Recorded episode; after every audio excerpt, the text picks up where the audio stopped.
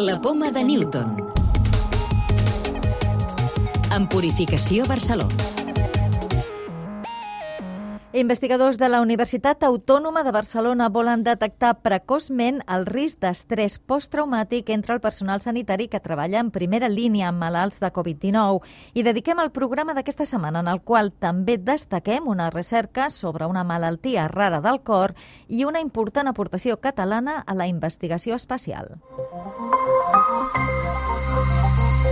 Investigadors de la UAB han desenvolupat una metodologia pròpia per avaluar els nivells d'estrès de metges, personal d'infermeria i auxiliars per poder evitar que arribin a tenir episodis greus d'estrès posttraumàtic o depressió profunda pels efectes de la pandèmia.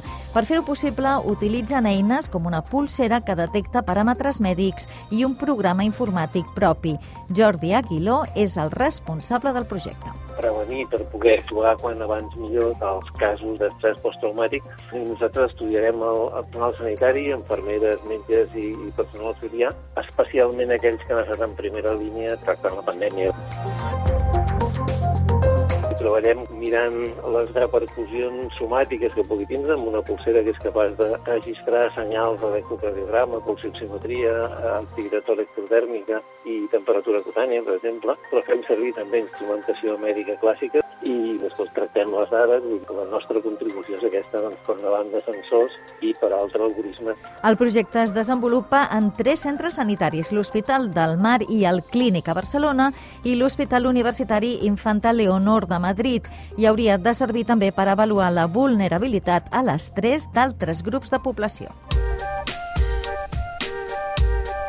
També destaquem que investigadors del Centre d'Investigacions Cardiovasculars han aconseguit disminuir el risc de patir la síndrome de Marfan inhibint una proteïna. La malaltia provoca una dilatació de l'aorta que fa que l'artèria es trenqui i que la persona acabi morint. Aquests investigadors han descobert que aquesta dilatació arterial està relacionada amb la proteïna que incrementa l'òxid nítric al cor. L'han inhibida en ratolins i han obtingut resultats molt esperançadors i sense efectes secundaris.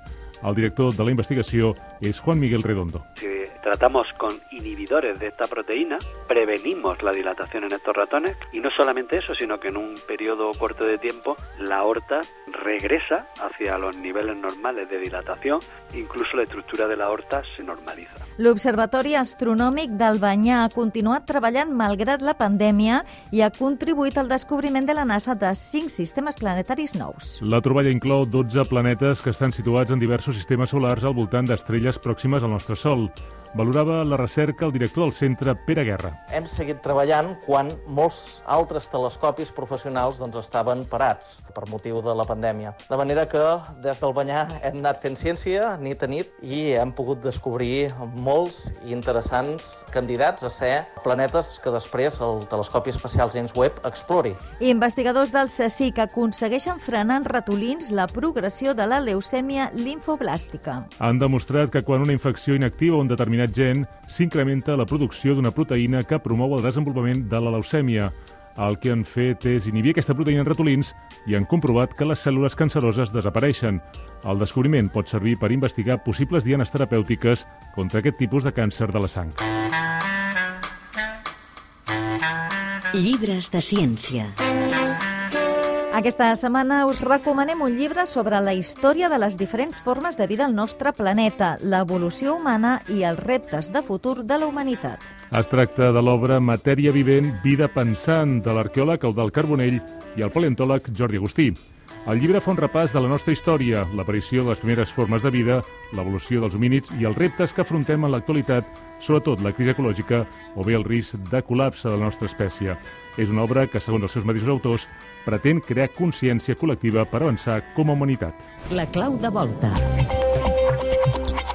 Per què el nostre grup sanguini pot ser determinant en el risc d'infectar-nos del nou coronavirus? Eduard Muniz, immunohematòleg del Banc de Sang i Teixits. Doncs perquè una persona de grup A té anticossos anti-B, una de grup B té anticossos anti-A, el 0 té anticossos anti-A i anti-B i les persones de grup AB no tenen aquests anticossos. En base a aquestes dues coses radica la possibilitat de que et puguis defensar o no d'aquest virus quan et vol invair. El coronavirus Quan intenta entrar en el nostre organisme, és tan peculiar que es vesteix de grup sanguini, de tal manera que quan intenta entrar, aquests anticossos que tenim ens poden defensar i poden evitar que aquest virus entri en el nostre organisme.